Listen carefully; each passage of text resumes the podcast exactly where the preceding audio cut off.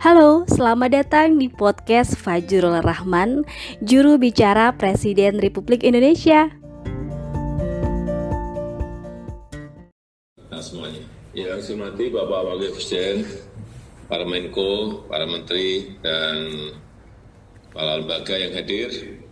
Pagi hari ini kita ingin mendengarkan laporan mengenai percepatan penanganan virus corona COVID-19 yang dipimpin oleh Kepala BNPB. Tapi sebelumnya saya ingin menekankan beberapa hal yang penting. Yang pertama, prioritas kita adalah mencegah penyebaran COVID-19 lebih luas lagi. Oleh sebab itu, penting untuk dilakukan yaitu mengurangi mobilitas orang dari satu tempat ke tempat yang lain. Kita terus menggencarkan sosialisasi untuk menjaga jarak social distancing dan mengurangi kerumunan yang membawa risiko penyebaran COVID-19. Tiga hal ini penting, terus kita ulang-ulang sekali lagi, mengurangi mobilitas orang dari satu tempat ke tempat yang lain. Yang kedua, menjaga jarak. Yang ketiga, mengurangi kerumunan yang membawa risiko penyebaran COVID-19. Karena itu, kebijakan belajar dari rumah, bekerja dari rumah, dan beribadah di rumah betul-betul harus kita sampaikan terus sehingga betul-betul bisa dijalankan secara efektif di lapangan. Tetapi juga kita harus tahu juga bahwa yang tidak bekerja di rumah tentu saja tetap bekerja di lapangan dan bekerja di kantor dengan tetap saling menjaga jarak.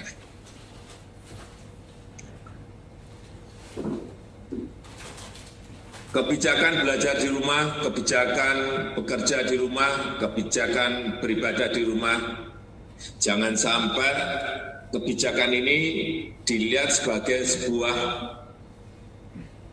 kesempatan untuk liburan. Saya lihat Sabtu Minggu kemarin di Pantai Carita, di puncak lebih ramai dari biasanya, sehingga hal ini akan memunculkan sebuah keramaian yang berisiko memperluas penyebaran COVID-19. Saya juga minta diterapkan secara ketat, menjaga jarak, social distancing di area-area publik, termasuk di dalam transportasi publik seperti di bandara, di pelabuhan, di stasiun kereta api, di stasiun bus untuk mencegah penularan COVID-19. Selain itu saya minta juga gugus tugas untuk mengajak lembaga-lembaga keagamaan, tokoh-tokoh agama untuk bersama-sama mencegah potensi penyebaran COVID-19 di kegiatan-kegiatan keagamaan.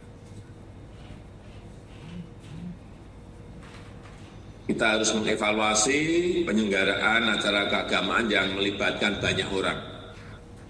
Kemudian yang kedua, segera lakukan rapid test, tes cepat dengan cakupan yang lebih besar, agar deteksi dini kemungkinan indikasi awal seorang terpapar COVID-19 bisa kita lakukan. Kita minta alat rapid test terus diperbanyak, juga memperbanyak tempat-tempat untuk melakukan tes dan melibatkan rumah sakit baik pemerintah, milik BUMN, Pemda, rumah sakit milik TNI dan Polri dan swasta, dan lembaga-lembaga riset dan pendidikan tinggi yang mendapatkan rekomendasi dari Kementerian Kesehatan. Yang ketiga, penyiapan protokol kesehatan yang alurnya jelas, sederhana, dan mudah dipahami. Ini penting sekali terkait dengan hasil uh, rapid test ini, apakah dengan karantina mandiri, self isolation, ataupun memerlukan layanan rumah sakit. Ya, protokol kesehatannya dijelaskan. Yang keempat, menyiapkan rencana kontingensi kesiapan layanan rumah sakit. Baik rumah sakit rujukan yang sudah ditetapkan, juga mobilisasi rumah sakit yang lain, baik milik BUMN, TNI Polri, rumah sakit swasta, dan juga rumah sakit darurat apabila diperlukan. Dan jika diperlukan juga bisa memanfaatkan Wisma Atlet di Kemayoran. Ini kapasitasnya cukup besar, kalau nggak keliru 15 ribu, dan hotel BUMN yang juga bisa dipakai. Kemudian juga rencana kontingensi ini juga harus kita siapkan sampai ke daerah, termasuk percepatan pembangunan rumah sakit di Pulau Galang, di Kepulauan Riau. Yang kelima,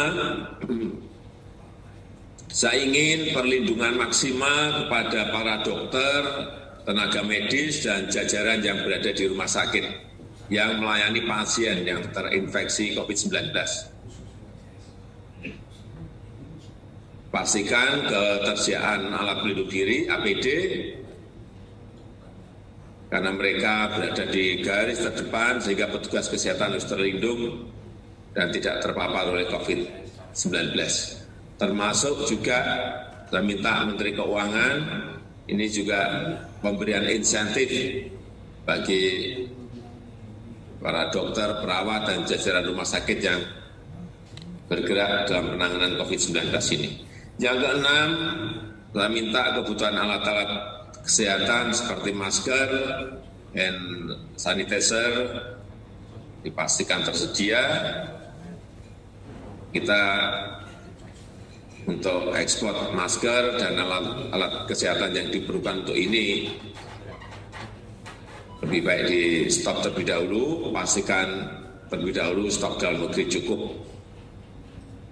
Kemudian juga ketersediaan bahan baku untuk produksi alat-alat kesehatan yang diperlukan dalam menghadapi situasi ini. Yang terakhir, saya minta dipastikan ketersediaan dan stabilitas harga barang-barang kebutuhan pokok yang dibutuhkan oleh masyarakat. Saya kemarin sudah cek di Bulog, saya melihat stok kita uh, lebih dari cukup. Kemudian saya kira Maret ini banyak daerah juga mulai panen raya, April juga masih ada panen raya, hingga penyerapan oleh Bulog juga agar diatur dan saya juga minta Menko Perekonomian dan kementerian terkait segera menjalankan kebijakan insentif ekonomi utamanya bagi pelaku usaha lebih khusus lagi pelaku UMKM yang terkena dampak ekonomi penyebaran COVID-19. Walaupun ada kebijakan pengurangan interaksi, saya minta pelaku usaha, pelaku UMKM bisa memaksimalkan penggunaan pelayanan secara online. Saya rasa itu sebagai pengantar yang bisa saya sampaikan. Saya persilakan Ketua Satgas untuk menyampaikan. Terima kasih. Dimasukin ke podcast. Kepala BNPB kami persilakan.